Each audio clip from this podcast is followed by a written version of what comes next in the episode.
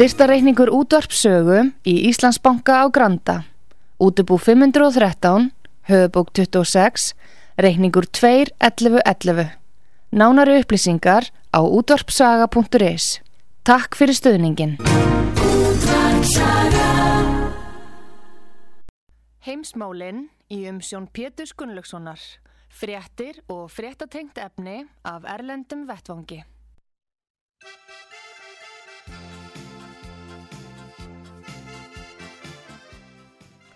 Góðir hlustendur, þeir að hlusta á útvarpssögu, ég heiti Pétur Gunnlaugsson og ég ætla að ræða við hann Gustaf Skúlason, fréttamann útvarpssögu í Svíþjóð. Sæl og blessaði Gustaf.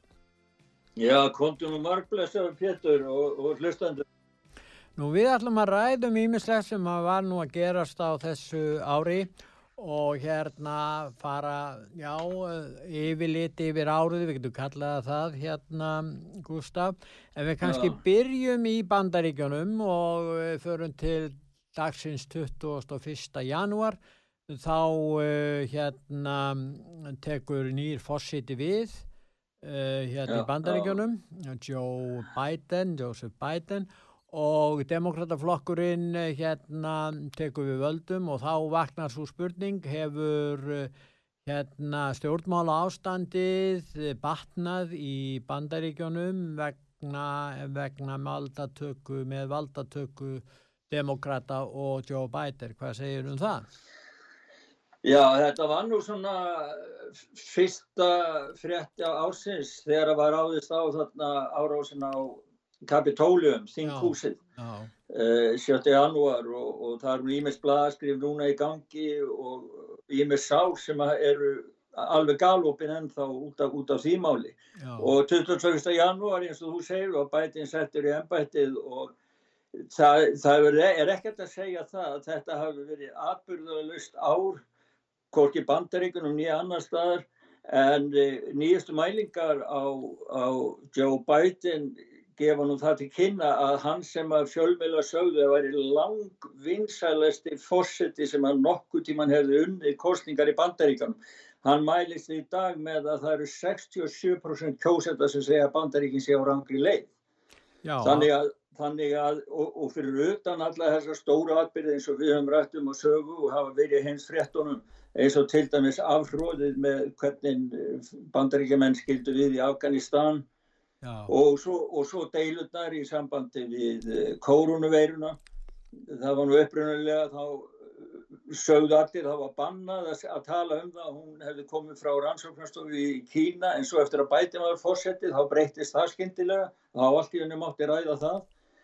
Og, og, og mörg svona atrið og ég myndi segja það svona í það stóra teki þá eru bandaríkin eh, gjörsamlega klófið þjóð það er nú svo mjótt að mununum í öldungardeildaþinginu að, að aðkvæði varafórsettans ræður úslitum, það er svo nýfjan og það ganga deilur fram og tilbaka í, í, í mörgum málum. Og hérna þannig að ég myndi segja það að ástandið er mun verða innanlands í bandarækjunum og svo hafa líka komið upp svona mál eins og með vók og kvítingjakenningar eh, sem segja að kvíti menn séu rasista, þetta kemur nú undir rótum massískra hreyfinga eins og Black Lives Matter sem fóru með óbeldi og það er mikið rætt í dag í bandaríkjunum sko mismunun á fólki eftir stjórnmálaskoðanum uh, þannig, þannig að, að sko bandaríkin eru helklófi land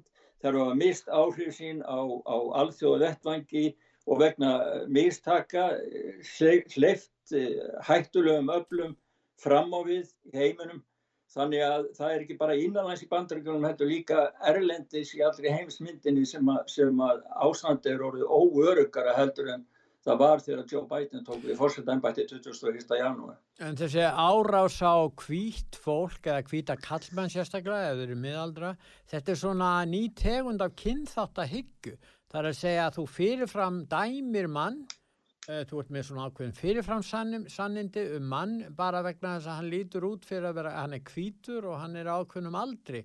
Þetta er náttúrulega ótrúlega tegund af fordómum, en þetta er látið líðast, þetta eru fordómar sem að jafnvel fjölmiðlar uh, taka undir og, og finnst þetta allt í lægi. Hvernig eiginlega, hvernig, akkur erum við komin Já. á þennan stað, Gustaf? Hvað hefur gerst? Já, hlutur á því er, til dæmis við sjáum það hérna í Svíþjóð, það hefur verið heilagt á aðfungadag eh, klukkan þrjú að þá hefur síning á, á mynd Walt Disney sem er svona samansapn sem er alltaf á hverjum jólum hér og má ekki hrópla. Það var fært um fimm mínútur og það var allt vittlust út af því.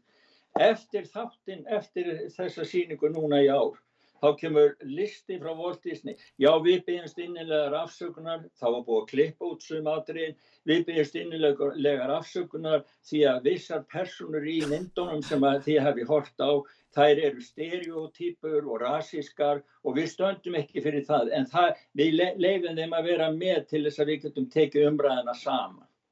Þetta er svona standard alþjóðleg afsökun reysa fyrirtæki sem núna er orðið kýmverst að, að hvernig sagt, er verið að umskrifa söguna og kvítakenningin sem kemur frá Black Lives Matter sem al öfgafylstu blökkufólki sem er að berjast fyrir sínum álstað að það eru bara öfgar í hinn áttina sko. það er bara öfu, kynþátt að fordóma með öfu merkjum sko. Já, já En uh, það er líka aðteglisvert að uh, sko óvinsældir uh, núverandi fossita eru náttúrulega tengjast þetta byrjaði fyrir alvöru þegar að uh, hann uh, hérna klúðræði brott fyrir bandaríkjamanna frá Afganistan sem að hann fekk á sinn rekning réttilega því að það voru vísi báðir fósittar, bæði Trump og hann vildu yfirgefa Afganistan sem var náttúrulega fáránleg innrás á sínu tíma en það er annar mál.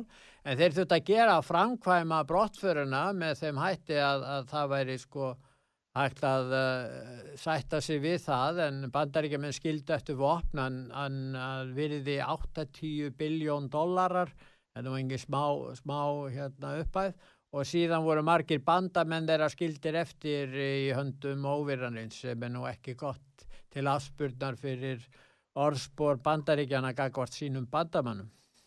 Já, Trump hann sagði það og endur tóka mörgum sinnum að hann hefði farið öðruvísa og það var ekki það plan sem að hann skildi eftir á borðinu í kvítahúsinu þegar Joe Biden tók við.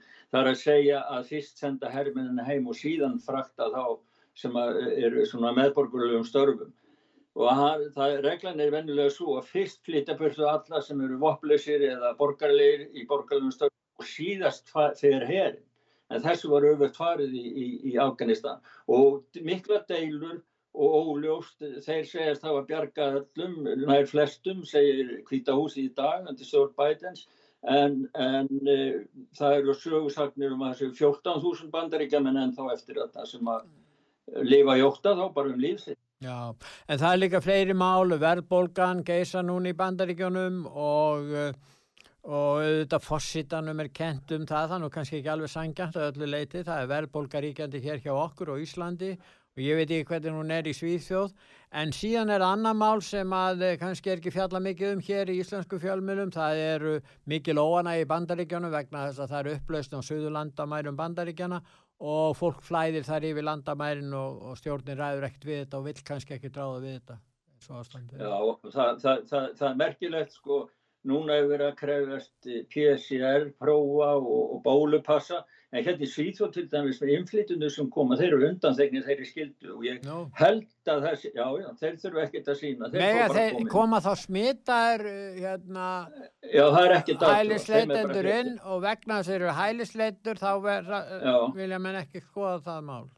Já, en hvað með að þeir eru komnir inn í landi myndu þá alls og hælisleitand ekki þurfa að sæta því að vera settur í einangrun eða sótkvík Já, ég veit ekki hvernig er tekið á því hvort að það, sko, það er yfirleitt svo langur aðdraðandi hér í öllum inflytjenda málum. Þeir eru bara settir í búður og látni býða, svo kannski ekki mál þeirra tekið fyrir fyrir neftir tvö ár. Þannig að hvað verður gert á miðan það, ég veist um að verður gert nú skapalutri þeimálum með þá. En þeir eru komið inn í kerfi, sko, en það nú verður að gera eitthvað í því líka hér, sko. En, en í bandaríkjanu til dæmis, ef ég bara maður aðeins skjóta eða, þá voru til dæmis, sko, þrýr höfðingjar á, á eftirlaunum að skrifa grein núna og krefast þess að Pentagon þeir vilja, sko, þeir eru greinlega bætin sinnar og þeir vilja að það verið farið fram hreinsun innan bandaríska hersins og allir stuðnismenn republikana eða fyrirverandi fórsett á Trumps eru hreinsar úr hernum og þeirra bóðskapur er við höf, getum ekki beðið eftir því að stjórnmálamenn takis ákvörum, Pentagon á að byrja á sig strax. Ef við hefum að koma í veg fyrir ymbiristríði bandaríkunum 2004 þegar republikana tapa fórsetanbættunum í fórsetakostningunum. En er, það, það er mjög óvennulegt að hersöðingar í bandaríkunum séu að blanda sér í pólitík en þeir eru komnir á eftirlun, þeir eru ekki starfandi. Já, en þetta er nú dæmi um það að bæði líðræði og uh, tjáningafrelsi, málfrelsi er á undanhaldi því miður í bandaríkjunum og viða um heim og við sjáum þetta greinilega og þarna eru uh, auðringarnir, uh, netrísarnir, uh, livjarísarnir, uh, banka auðringirnir, nú allt uh, fjölmiðlarnir í eigu þessar aðlila og þeir bóða þennan bóðskap sem þeir fá frá þeim til að styðja hagsmunni þeirra.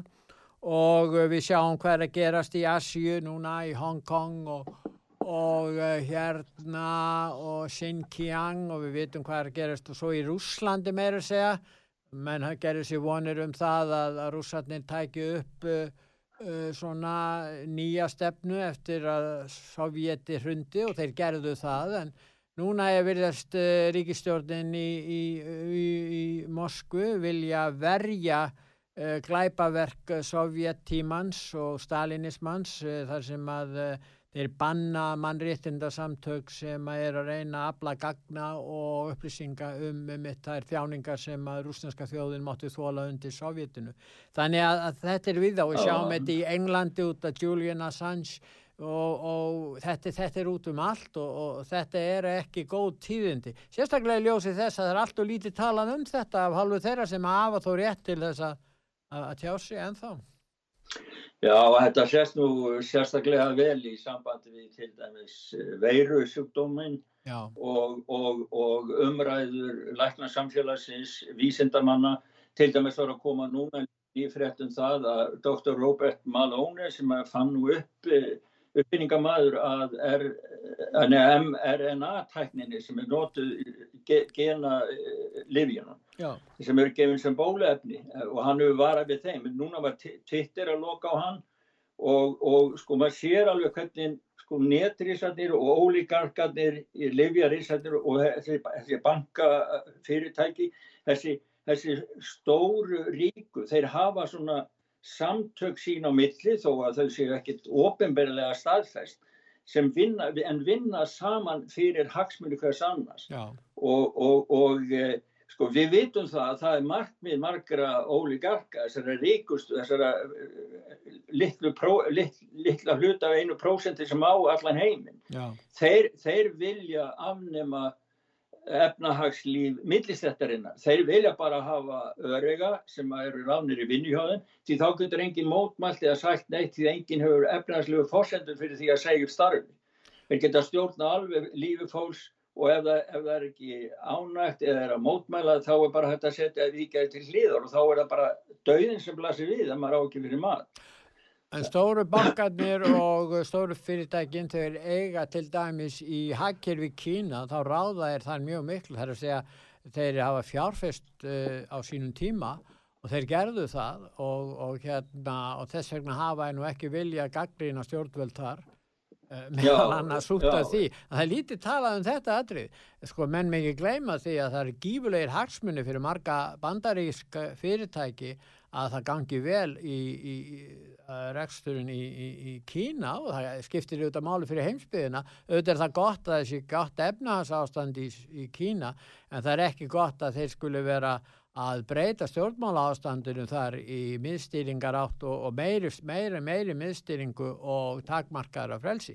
Það er það sem því miður er að gerast og ég vona bara að rússatin sé ekki að fara sömu leið. En allt þetta er að gerast á vaktbæten þar vegna þess að uh, önnuríki og stórveldi uh, ber ekki sömu virðingu fyrir bandaríkjónum eins og gert var áður. Þeir uh, líta svo á að fósiti bandaríkjana er allt og veikburða fósiti hann sjást í, í Afganistan hann réði ekki við brottför og kynverja sjá það að hann muni sjálfsagt ekki verja tæfan, hann muni ekki geða að hafa neina afskipt af því þó verið sér að loka fjölmjölum, frjálsum fjölmjölum í Hong Kong, þeir vita það og eh, síðan eru aðri bandamenn eins og Japanir og Kórea geta kannski ekki treyst eins vel á bandaríkinn og Ástralir, Filipsæjar, jafnvel Vietnam, Indland. Þannig að þeir eh, eru ekkert að halla sér um of að bandaríkjamönnum og reyna þá að, að semja frekar við kynverjana. Skilur þau hvernig þetta hefur líka áhrif á aðstöðu? Já, já, þetta, þetta tengist alls saman og, og þetta er rétt hjá þér og eins og við vorum að ræðum áðan með, með Walt Disney og, og fleiri stór fyrirtæki, Apple greiti biljóni dollara til kýmerska kommunstafloksin til þess að koma á aðganga kýmerska markanum já. og Apple hefur ekki tekið afstöðu gegn aðgerðum kýmerska kommunstaflokksins sem er að brjóta niður sjálfstæðis baróttu fólksins í Hong Kong og eða mótmæla því þegar kýmverski komastaflokkurinn er með kúun á úri gúrum eða segja neitt gott hæma. Kynverski kommunistaflokkurinn hefur færsið upp á skaftið, Já. mótmæli bóstæðilega öllum allstæðir í heiminum sem að lýsa yfir stuðningi við Tævan og, og, og þeir eru orðinir... Og þeir ná árangri, það eru fjögur ríki í miðafamniku sem að mm. sko, viðkendu, viðkendu Tævan þegar við öll skiptum skoðu núna á síðusta misseri og uh, fyrir já. Áhrif frá kýmverjum og þetta er í baklandi bandaríkjamanna þetta er í mið, mið að þarna það, til þess að þessum svæðum er fólk að flæða yfir söðurlandamæri bandaríkjana gegnum Mexiko þannig að það er svo aðtiklisvert hvernig kýmverjar eru smán saman að þennja út áhrif sín trátt fyrir það að þeir ekki þessa stefnu sem ætti nú ekki að vera vinsæl en er samt mjög árangusrík hjá kýmverjar Já og svo eins og við rættum um árunni sem að kemur að gerðu samning við hvort það var Íran held ég um alveg gríð, á gríðarlega mikla fjárhæð Já. Og þeir eru að byggja eftirlýskerfi, sama eftirlýskerfi og þeir eru með í, í Kína sem eru komið upp á og stjórn og sennilega vaka kymmerar yfir því fyrir þá Íran í gegnum neti að upp svona myndavílakerfi og svona passakerfi eins og þeir eru með í Kína til að hafa fullkomið eftirlit með einasta einstakling sem lifir í þeirra samfélagum. En þeir eru að reysa hafn, þeir eru í gífurlum hafnarframkvæmdum með ríki í Suður Ameríku, með Ameríku og, og þannig að þeir eru komnið þarna bara uh, hérna, til, til í þá álfu Og ég man á sínum tíma þegar að Kennedy eh, vildi ekki sætta sig við það að rússarnir sendu eldflögar til Castro á Kúbu. Það var í uppafstjórnafyrils John F. Kennedys en nú eru tímandir öðru vísi og, og þeir láta þetta allt saman viðgangast. Og eitt þess er, eru þeir með ítök í Venezuela kynverðarnir og auðvitað á Kúbu já, og nú já. voru mm, vinstri sinnar að sigri í, í þýmkostningum einn hann vann glæsilegan sigur uh, neomassísku stjórnmálamæður er mjög róttækur í síle að fekk 56% þannig að ástandið þannig í Suður og Miða-Ameríku er að verða mjög ansnúið bandaríkjamannum og uh, þannig að, að það er eins og að þeir séu svona á undanhaldi. Já og þeir, kynverðar, þeir eru líka komnir á vestusturönda Afríku að byggja þar upp hafnir og fyrir hér, fyrir sjóher. Og þeir eru komnir inn í valdastofnanir alþjóðleira uh, stofnana eins og til dæmis saminir þjóna og alþjóða helbreyðstofnarinnar og þannig að þeirra áhrif og máttur greinist eins og kongulóa vefur út um alla jörð. Já. Á sama Vor... tíma eru Vesturland að auka spennuna gagvart Rúslandi í Úkrænu og jafnvel Kvítarúslandi. Það, það er óskiljanlega stefna í raun og veru meða við ástandið sem við erum að lýsa.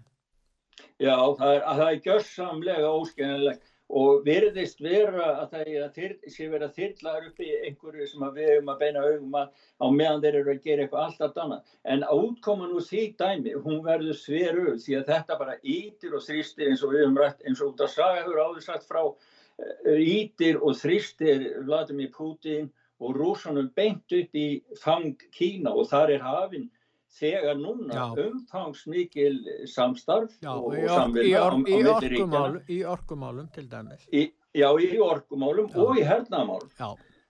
Þannig að, þannig að sko, þannig verður að leika sér með tví ekki að sverð og sem getur bröðist til begja vona. Þannig að, að, að, að sko þeir sem eru í Úgrænu, þessi leikari sem var kjörun fórseti, það eru öll í Úgrænu sem eru búin að ákveða það að þau ætla að taka krínskanga tilbaka, Já. hvað svo sem tautar og raular.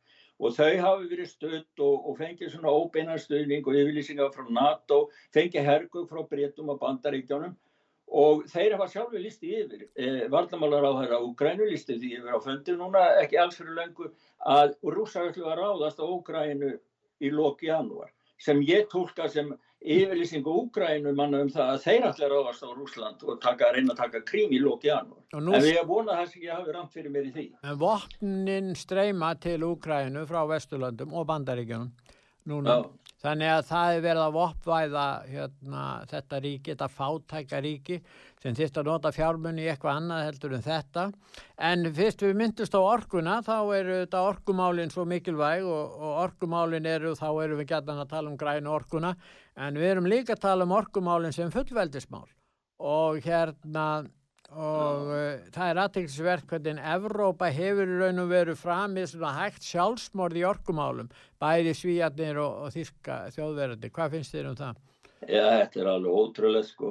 Þjóður var komið frétt núna það að þjóður eru loka núna þremur kjarnorkuverum í viðbútt með samtals 4000 megawatt og, og, og hérna Sko rámasverði, ég, ég sagði frá því síðast að rámasverði hérna í Svíþjóðu tekið gríðarlega kipp upp á við.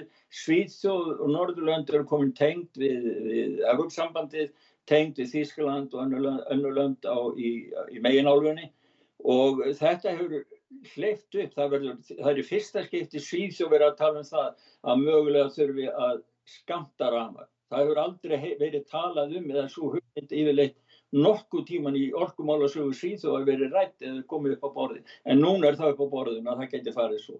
Og engin veit hvað verðið sko hvað verðið á kílóastundinni endar. Það, það tólfaldægist á einu sólaringin í, í, á einu svæðinu en í sögu síðu fyrir jól og, á einu sólaring og í Noregi þá eh, ákveða stjórnvöld að greiða með eh, hérna, orkunni, hugsaði sko þegar að farðir að niðugreið orku í svona löndum eins og Noregi þá er nú ekki stemt í góða átt og hefna, þetta verður þá kannski viðvarandi í raun og veru. Nú er eh, Noregur eitt mest á olju framleyslu ríki heims. Já og það er sko og, og það er græn orka, það var nú í einmitt á þessu ári, eitt af annálum þessu ás voru allir samningar sem hafa verið gerðir á vegum Európa-sambansins, millir ríkjan og annað og svo sérstaklega Norðurlandin Já. sem Ísland á aðild, aðild að.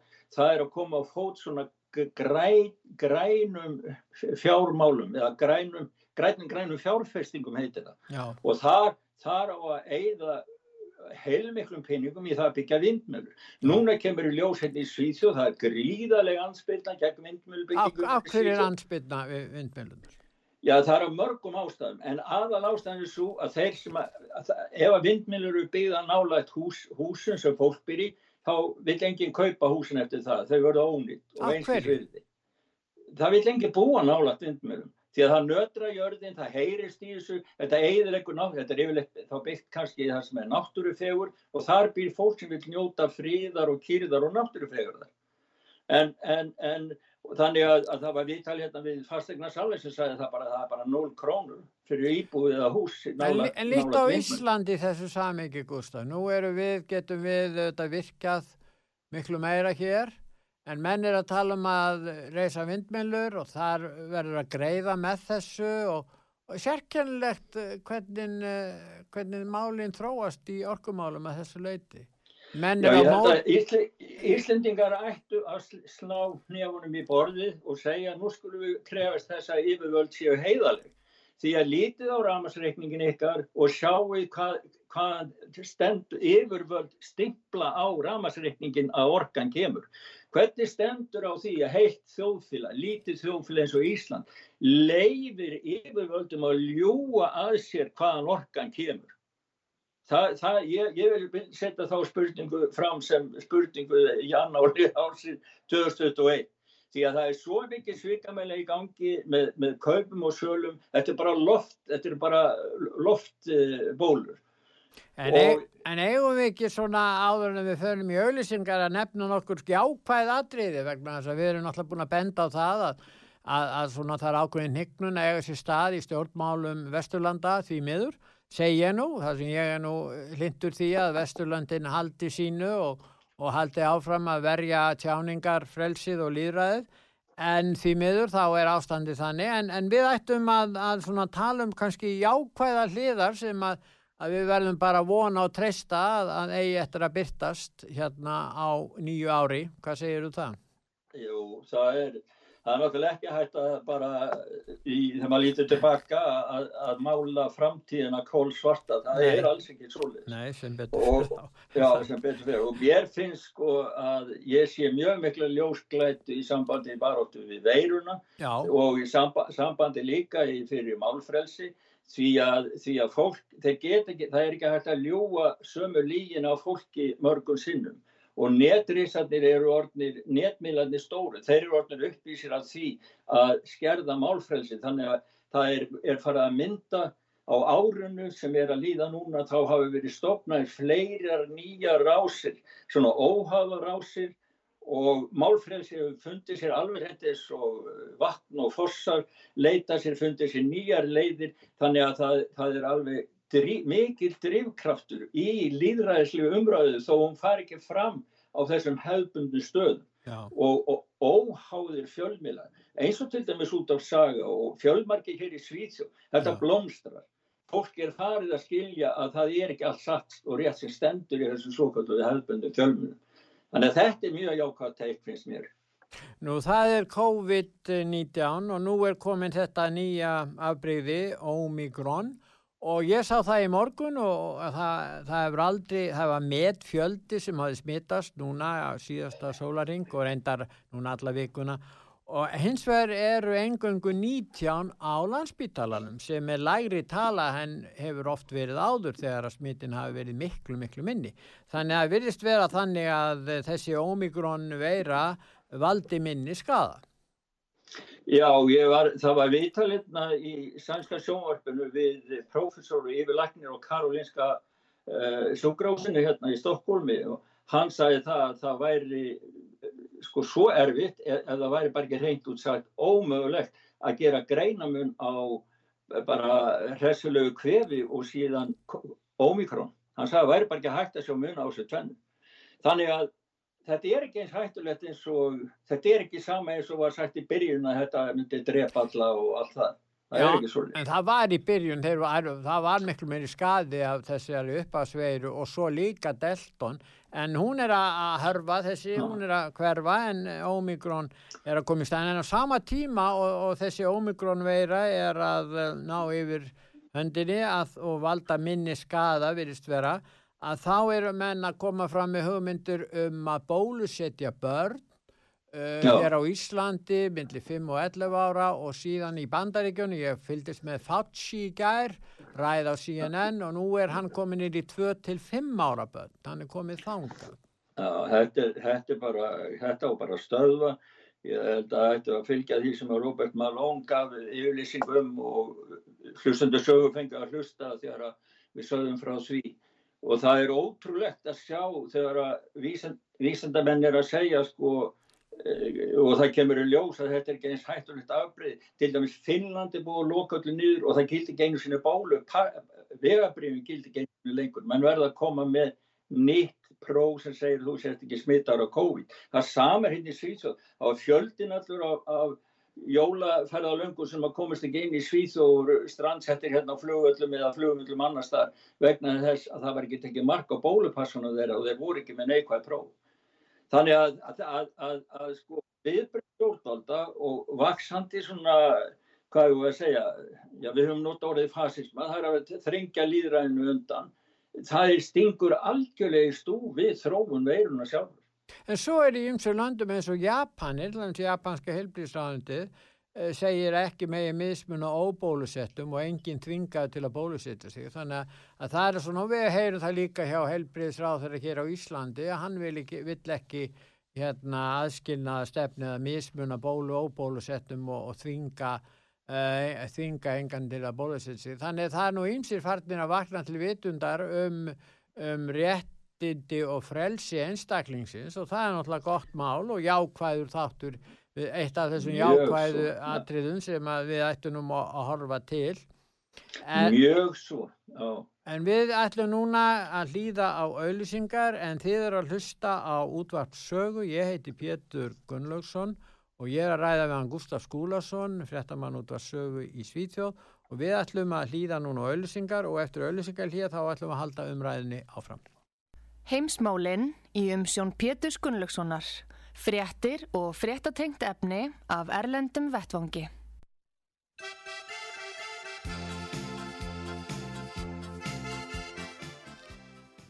Góðir uh, hlustendur, er að hlusta á útvart sögu, ég heiti Pétur Gunnlaugsson og ég er að ræða mann Gustaf Skúlason, réttamann útvart sögu í Svíþjóð. Nú Gustaf, það er eitt mál sem að kannski hefur allt og lítið talað um en við höfum talað um þetta og þú hefur skrifað um þetta á websíðun útvarsaga.is. Það er andlátt full frískra íþróttamanna. Hvað er að gerast þar? Þú, þú ert búin, sko búin að skoða þessi mál.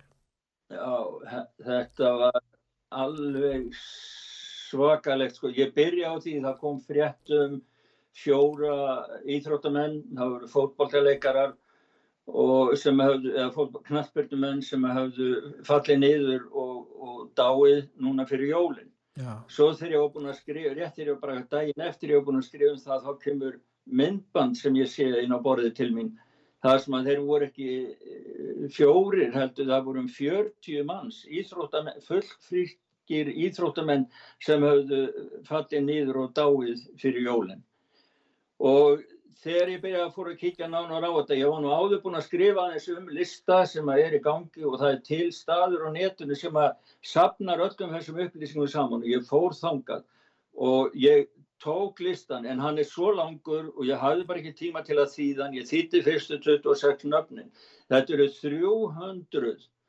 385 hjartastopp og auka, alvarlega aukaverkanir sem að hafa orðið hjá þekktu íþróttafólki á árinu sem er að líða og þar að veru af 225 þeirra dáið og þetta er allt nýri í 12 og 13 ára drengi. Ég, ég var svo um þegar ég ég setti nú mynd af þeim tveimur og bara bara guðum að blessa minningu þeirra og, og smá, smá eh, tilvittnin í minningagrein félagana sem þeir úr starfandi hjá.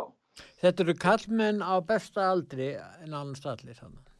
Já, en það eru líka, það eru líka konur en, en þetta er yfirgnægandi meira hluti kallmenn og á besta aldri og á þessum lista á heimasíðu sögu með öllu þessu nöfnum 385 nöfnum þá, þá er fyrir aftan, þó það sé á ennsku, að því ég þýtt ekki nefna bara part af þessu, þá er fyrir aftan hlekkur á fréttir í blöðum. Þannig að fólk getur tekið sér tíma og þessi listuð hann er í vinslu allan tíman og það er örgla bæst við hann síðan ég skrifaði þessa grein. Já, þetta er hérna, en hver er skýringin? Er, eru menni á þessum, þessari síðu að koma með skýringar? Hafðu til dæmis þessir íþróttamenn eh, fengið örfunarspröytu, hafðu þeir farið í bólusettingu eða dó, hafðu þeir fengið COVID eftir vilk var, var, eða, eða áttu þeir uh, sögu, sjúkdómssögu, voru þeir með hjartabilun fyrir, hvernig, hvernig gastu þessu? Já, Já, það er gott að spyrja því, því að svarið er jafn hrikalegt og það er einfalt. Þetta eru allt saman staðfest andlát eftir bólusetningu. Allt saman? Allt saman. Og það er, það er fyrir aftan þennan lista, er listi yfir dæmi sem eru óljós að því það er ekki búið að staðfest hvort það var vegna bólusetninga eða bóvist. En þessi listi með þessum 385 Það voru, eru 382 á listanum en þá komum við 385 þegar skrifaði fréttina daginn eftir sko á síðunni hjá þeim. En það er, það er hlekkur inn á síðuna og þá, þetta er ábyggjulorið harri núna. Þetta er einungis staðfest dauða andlátt 225 manna staðfest eftir bólusetning, í kjálfar bólusetning. Já, já. No. Og það er förðulegt Pétur, þeir spyrja líka því hvar eru all staðreinda fólkið hvar eru allt fjölmjöla fólki, hvar eru þeir sem að þykast vera bladamenn eða hafa svarið einhvern bladamanna eið og eiga að upplýsa fólk um þetta. Eða þá, eða þá fréttir af fræga fólkinu sem er nú eitt vinsalasta efni sem hann byrtist í sömum fjölmjölum sem er svona að sækja í að fá nógu marga til að fara inn á neti hjá sér eða inn á, á hórf hjá sér að, að þar er fjalla alltaf oft um, um, um fræga fólki. Það eru íþróttamenn og fyrirsætur og leikarar og, og aðri slíkir en uh, það eru ekkert borið á því að verður að greina frá því að þarna eru þekktir leik hana, íþróttamenn að hætta eða út af þessu eða deyja jafnvel. Já. Þetta er, þetta er ótrúlega og með því að segja ekki frá þessu, vinn ekki í því að aðtúa málið, þá segja ég að blamanarsettin er með seg að þessu kapplaupi risana að koma út sem mestu bólefna á sem styrstum tíma fyrir sem mestan pening. Blagamennir sem ekki segja frá þessu eru ekki að vinna sín grundallarstöru sem blaman, segja ég. Nú það er aðteglisvert ef við förum til Breitlands að breytanir, sérfræðingar í Breitlandi hafa sagt að það ætti ekki að bólusetja börnin. En hins vegar er að þannig í Breitlandi það eru, það, þeir byrjuðu fyrstir í Evrópu að, að, að bólusetja. Og það er búið að bólusetja mjög marga í Breitlandi og hérna en uh, það hefur nú ekki komið í vekk fyrir það að uh, COVID-19 hefur valdið gífurlegum skada og tjóni í bresku samfélagi.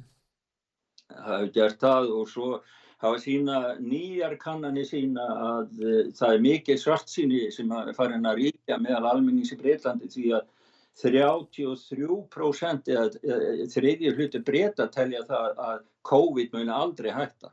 Þetta verði bara svona það smettir ræfuna, svona lokanir og passar og bólusetningar. Efnahagsástandi fyrir vestandi í Brellandi og nú segja þeir sem vildu að vera áfram í Evrópa þetta sé allt Brexit að kenna, hvað segir það? Verðum að góðu. Já, vita, vita nú er þeir með spátómið um það, brettar munu ganga aftur inn í Evrópasambandi, þeir eru eftir. Já, verð, verðum að góðu, það er nú eins blunkun í frétt á, á heimasíðu sögu núna. Um, það lag út uh, tilkynning og undirbúningur uh, við skulum sjá hvað hann heitur nú hérna.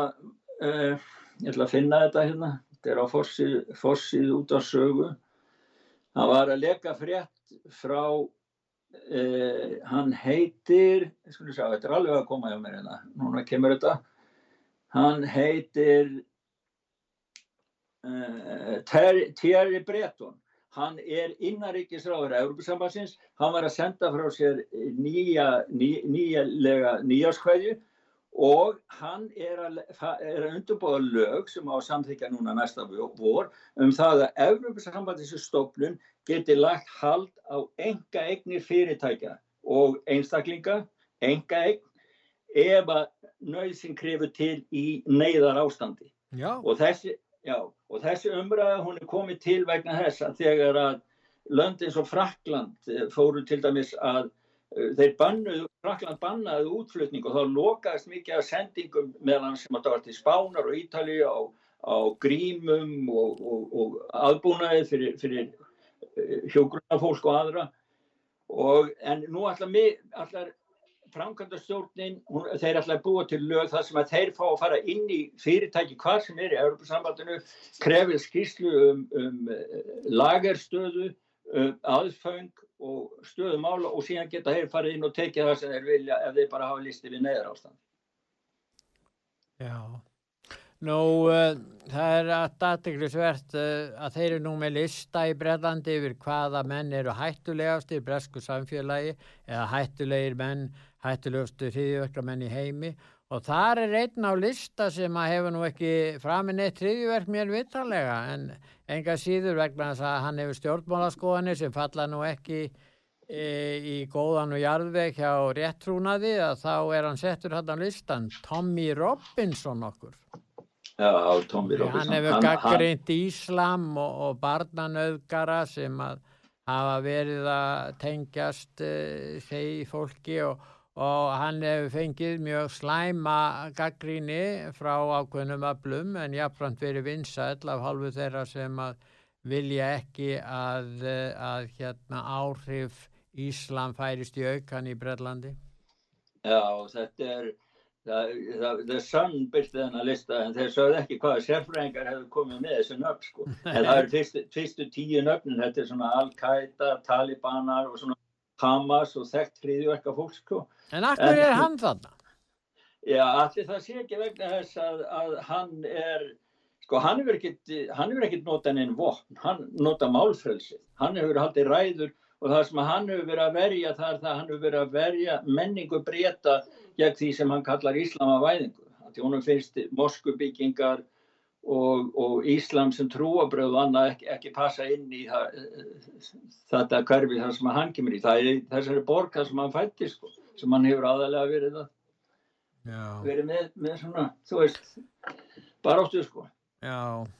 En uh, það hefur nú verið rætt svolítið, það er nú mjög viðkvæmt mál að ræða svona mál er næstu transfólk en það er aðtiklisvert að þessi eh, síða þarna, þessi fjölmiðl TikTok, hann er raun og veru að mæla með því í sumu þáttum að börn skiptum kín. Hvað hva, hva kemur það til? Akkur, akkur er það í gangi? Vi, við skulum ekki... Daily Mail er að fjallum þetta. Já, við skulum ekki gleyma þeirri staðrind að TikTok er kínveiskur app. Þetta kemur frá Kína og er undir stjórn kínverja. Að það eru yfir 26 miljardar áhor við myndböndum þar sem er svona uh, áhrif að fólk er að með heila þvótt á börnum allt frá fjögur ára aldri til þess að skipta um kín. En akkur þetta kynverjar vilja þetta? Já, af hverju eru kymur að gera svo margt sem þeir eru að gera ég, þeir virðast vinna því að grafa undan En er ekki einhverju vestrænin aðalega sem eiga í TikTok? Er, er það bara kynverðar? Er ekki fleiri sem eiga í þessu? Já, ég kanni það ekki alveg sko en ég veit að þetta byrja ég held ekki kymur að keftu Já, þeir áttu þetta uppalega sko Kymverðar? Ég held það sko En, en, ég veit ekki alveg hvernig það er en ég veit ekki hvað er að gerast. en ah. talandu um þetta mál þá hefur Putin ah. Vladimir Putin hann fer sínar eigin leiðir. En hann gaggrínir uh, rússandir hafa alltaf verið góður Íþróttum, við vitum það. Og þeir Já, hafa staðið sér vel og þeir voru náttúrulega sínu tíma á sovjettímabilinu þá voru uh, hérna íþróttakonur þeirra, þær voru þær langöflugustu, þær voru nú suman með skegg og, og ég veit ekki hvernig það var allt saman þú mástu kannski eftir því en, en, en hérna en nú er hann að, að, að svona að deila á það að transkonur taki þátt í íþróttum. Ég meina hvað veldur þessu? Hann er að segja sko að, að það sé verið að eiðilegja hvern íþróttir með því að transkonur taki þátt í þessu. Akkur er Pútin að taka þessa afstöðu núna? Ég meina Já, það er, hann er bara að leggja orði í belg, þetta var nú á stórum blamanafundi Já, það var á já, og kom bara inn sem eitt af aðrunum og hann kannski stjórna því ekki alltaf sjálfur hvaða stjórnir hann fær og þetta, þetta kom upp á fundunum en málið er að hann er með sko, sko það hefði nú þótt eh, saga til næsta bæjar hérna áður fyrir að fórseti Rúslands er eina skynnsimisröttin sem eftir er á Vesturlöndum í sambandi í þessu mál. Því hann segir það bara þetta sé eins og koronaviran, þetta munir eiði leggja hvenna íþróttirna sem íþróttagrein og mér finnst það bara að vera alveg rétt hjá hann og þetta var eins og við rættum einu sinni á árunni þegar kom fréttir frá Breitlandi að íþróttasambandi á þeim var að spá í að skapa eigin grein fyrir transfólk sem sagt transíþróttur sem að væri náttúrulega miklu réttar að gera heldur en að vera hleypa kallmönnum Já, en hann er að segja að þetta sé ósangjart skakvart konum því að kallmenn sem að, að, að, að hérna, uh, verða transkonum og þeir, þeir, þeir eiga þá möguleika að vinna, sko ef þeir eru kallmenn og eru í þróttamenn, að já, þá gengur þeim kannski ekkert allt og vel að ná í hérna, verða sigurvegarar, en ef Akkurat. þeir skiptum kyn það náttúrulega aukast möguleikar þeirra þannig að það er mjög ósækjast gagvart konum að ef að transkonur eða menn sem að skiptum kyn eh, geti þannig haft yfirburðarstöðu innan hvern íþróttana Já, og það, var, það mynda einu svona transa sem að vann sko í þingdar keppni og þá var verðlunum voru tekin af honum því að það myndi engin kon í heiminu nokkur tíma geta náð því sem hann gerði sko, í nafnir þess að vera kona. En Nei. Putin sagði, ég ætla nú bara að vitna í hann hérna, hann sagði Karlmann skilgrin að sjálfa sér sem konu og keppir í þingdaliftingum eða einhver annar íþróttagrein. Hvenna íþróttu munu þá hægt að vera til Já. Það verður að vera til einhvers konar heilbri skynsemi. Ég stýð hefðbundna skoðanir. Það sem maður er maður og kona er kona, mamma er mamma og pappi er pappi. En, já, en ef við snúum okkur til, til Skandinavi, til, til hérna Norðurlandana, þá er aðtillisvert, uh, Gustaf, að á öllum Norðurlandunum, uh, já, nema Íslandi, nema kannski að hluta, að þar eru sósildemokrata við völd í Noregi, og í Danmörku, í Svíþjóð mm. þó að hann hafi nú hætt alveg Stefán Löfven eða, eða þurft að hætta. Og svo í Finnlandi og þetta eru konur sem eru þarna í Finnlandi, Svíþjóð og Danmörku en þarna er eitt sósildemokratiskur kall þarna í Noregi. Nú þeir verðast sækja í sig völd, eh, sækja í sig, eh, já, sækja til sín völdin núna, krataninn, líka innan Európa-sabatsins, bæði í í, á Ítalíu hafa er verið þarna á Spáni og Balkanlöndunum er eitthvað að breytast líka og, og í Þískalandi höfur ríkja Európsamins, þar eru komin til valda þar hafa við komist til valda. Já, það er hérna hefur uh, verið talað um svona konu áhrif því að þegar hún komst til valda í, úr fjármálar á þeirra yfir í fórsættisráður hérna í, í Svíþjóð, já já í Svíþjóð sko að þá, þá hérna, Magdalena Andersson að þá hérna jógst stuðningur í skoðanabönnum við sósældemokrata og mingaði þá hjá móturötum og aðeins voru lítið eitthvað hjá Svíþjóðdemokratum en þeir hafa mingað mikið hjá, hjá umhverfisflokknum því að flesti svíjar beina íllendun sínum út af bæði ónýtum rafbílum háu rávorkuverð og annað yfir í umhverfisflokkin og, og, og, og hrikalegur umferðar ástand í, í, í stórborgum eins og Stokkólmi þannig, þannig að, að það er rétt en eh, hér í Svíðsjóf þá er, eru glæpamálinn þau eru orðin, þau eru þau mál sem að yfirtaka allt og verður alveg ver, verður, hættir ekki fyrir en við næstu kostingar að það komi ríkistól sem að lofi því að sem að vil síni þá og segist og setja upp kostningalóður um það að berja ekki glepa klíkánum hérna. Hvenar verða kostningar á næsta ári í Svíþjóð? Það verða í september ef ég manna rétt, september næsta haust. Sko. Það er ekki fyrir um haustu. En hvað segja kratarnir? Segja þeir bara að það sé ekkert mikið um glæpi, þetta sé bara liðskrum að óttast skota ára á sér. Einhvers stað stóð, sögðu þeir að sleip baðkur eru hættulegar um opnaðar glæpaklíkur. Hvað? Já, þeir eru, þeir eru orðin svo sko umræðan að því að fólk tala saman Já. og umræðan nær upp um allaveggi, þeir get ekki stjórnað umræðinni lengur hérna kratati.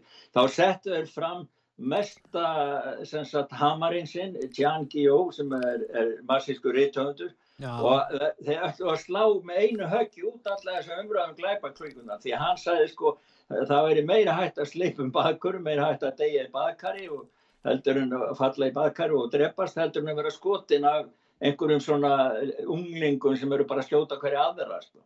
En eru, eru sósildemokrátaðin að treysta á massíska menningarvita og rittöfunda? Já, og, og svo býr hann sjálfur sko í flottasta hverfnin hérna í Stokkólm á Östum Malm og, og, og dýrast á er moldríkur sko eins og þeir eru flestir þessi, menn og líka starfsmenn sósaldemokrata það er búið yfirleitt í sko á íslensku mæli það er, engi, það er engar glæpaklíkur þar heldur.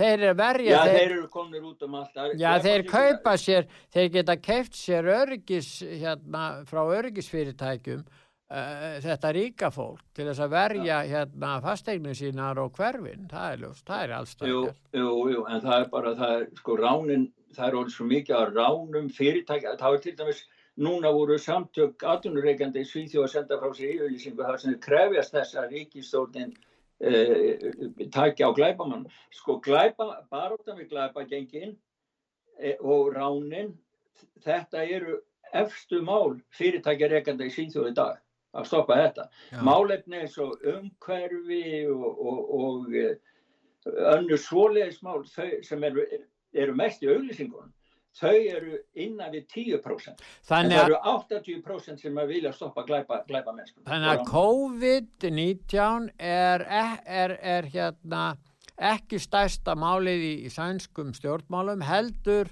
baráttan gegn glæpa klíkun. algjörlega, algjörlega en þetta vilja sósjaldemokrátar ekki ræða og þetta er sko til dæmis stóru ríkisfölmjörni hérna núna um þessa myndi þeir hamra á stöðu svona margir dáni, svona margir inni, gamla, gamla lumman.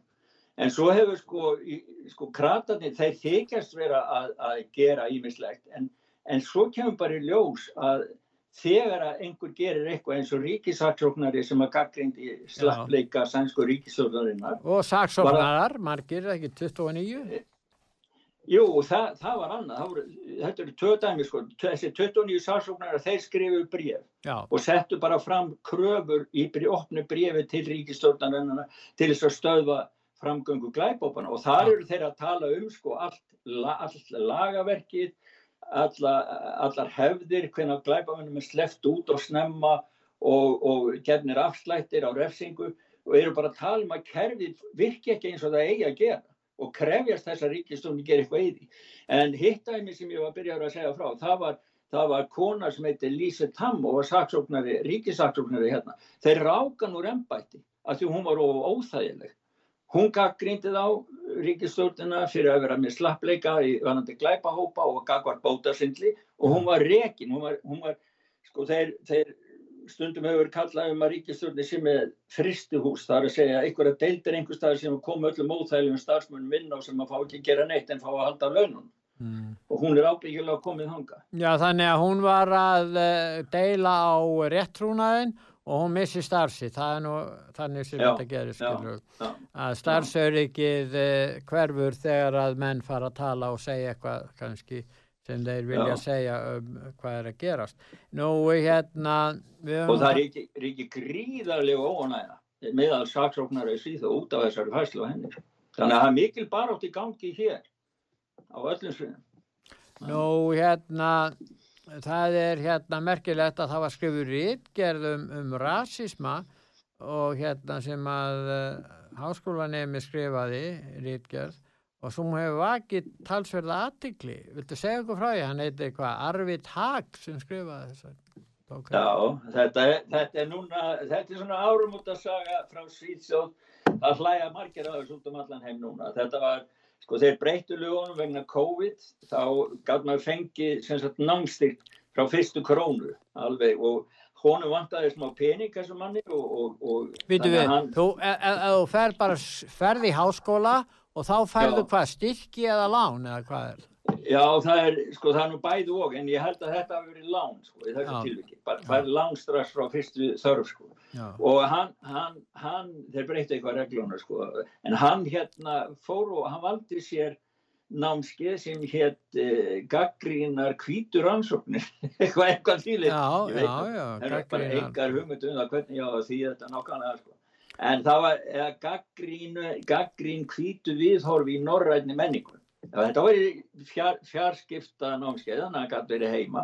Já. Svo var hann með í þessu svona, sótti náttúrulega alla tíma og spurði nokkra gaggrína spurninga og svo í lokum þá áttu allir að skrifa rítgjörn Já, og hann skrifaði þá rítgjörn sem að hétt altså, þetta var um, um kaffi, svart kaffi og hvíta mjólk og hann gerði þetta bara í gríni, þetta var bara grín hjá honum. Já, og hann, er- hann er að tala um sko baráttu sög, sko, sögu baráttu hvítu mjólkarinnar við svarta kaffið á síðustu öll og fram til, fram til dagsins í dag.